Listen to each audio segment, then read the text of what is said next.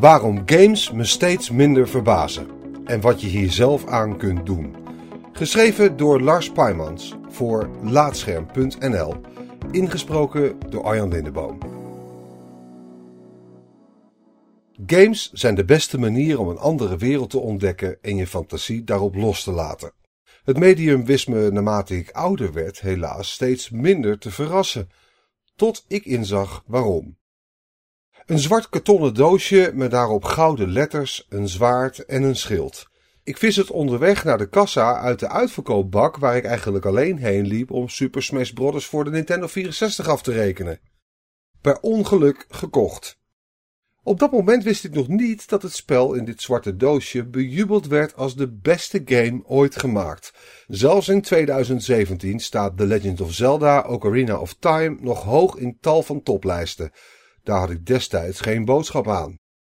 Ik kocht Ocarina of Time omdat het spel maar 25 gulden was en het doosje me aansprak. Niet omdat de collectieve gamewereld er versteld van stond. Al snel bleek Zelda uit van Super Smash te winnen. Je hebt vast wel eens een game ontdekt die speciaal voor jou gemaakt leek te zijn. Ocarina of Time was dat voor mij.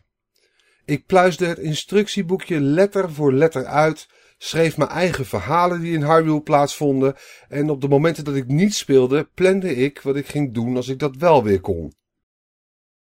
Deprimerende conclusie.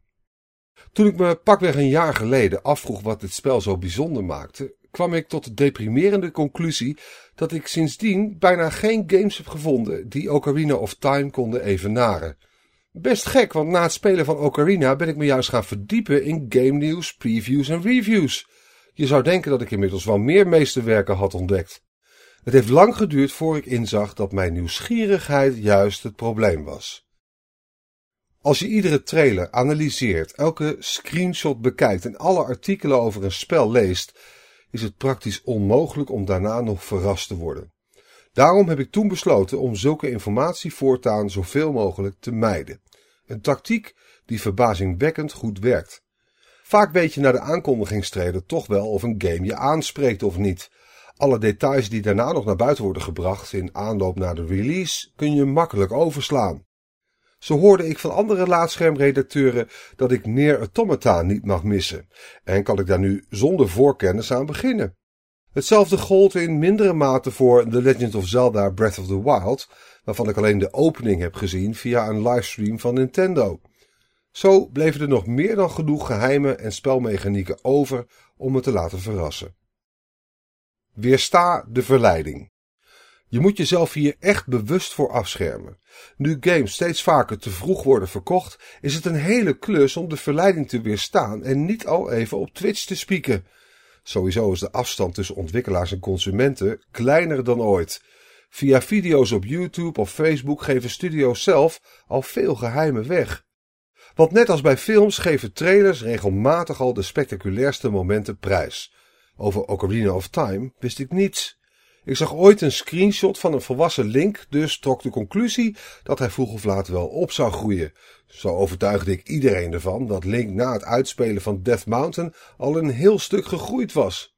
Complete onzin natuurlijk, maar het klopte binnen mijn verhaal. Filterbubbel. Op eenzelfde manier ontdekte ik jaren later de eerste Dark Souls. Ook die game haalde ik pas ver na de release in huis, puur door de verhalen die ik van vrienden had gehoord.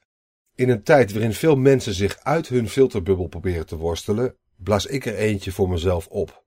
Kom er gezellig bij. Hier weten we niks.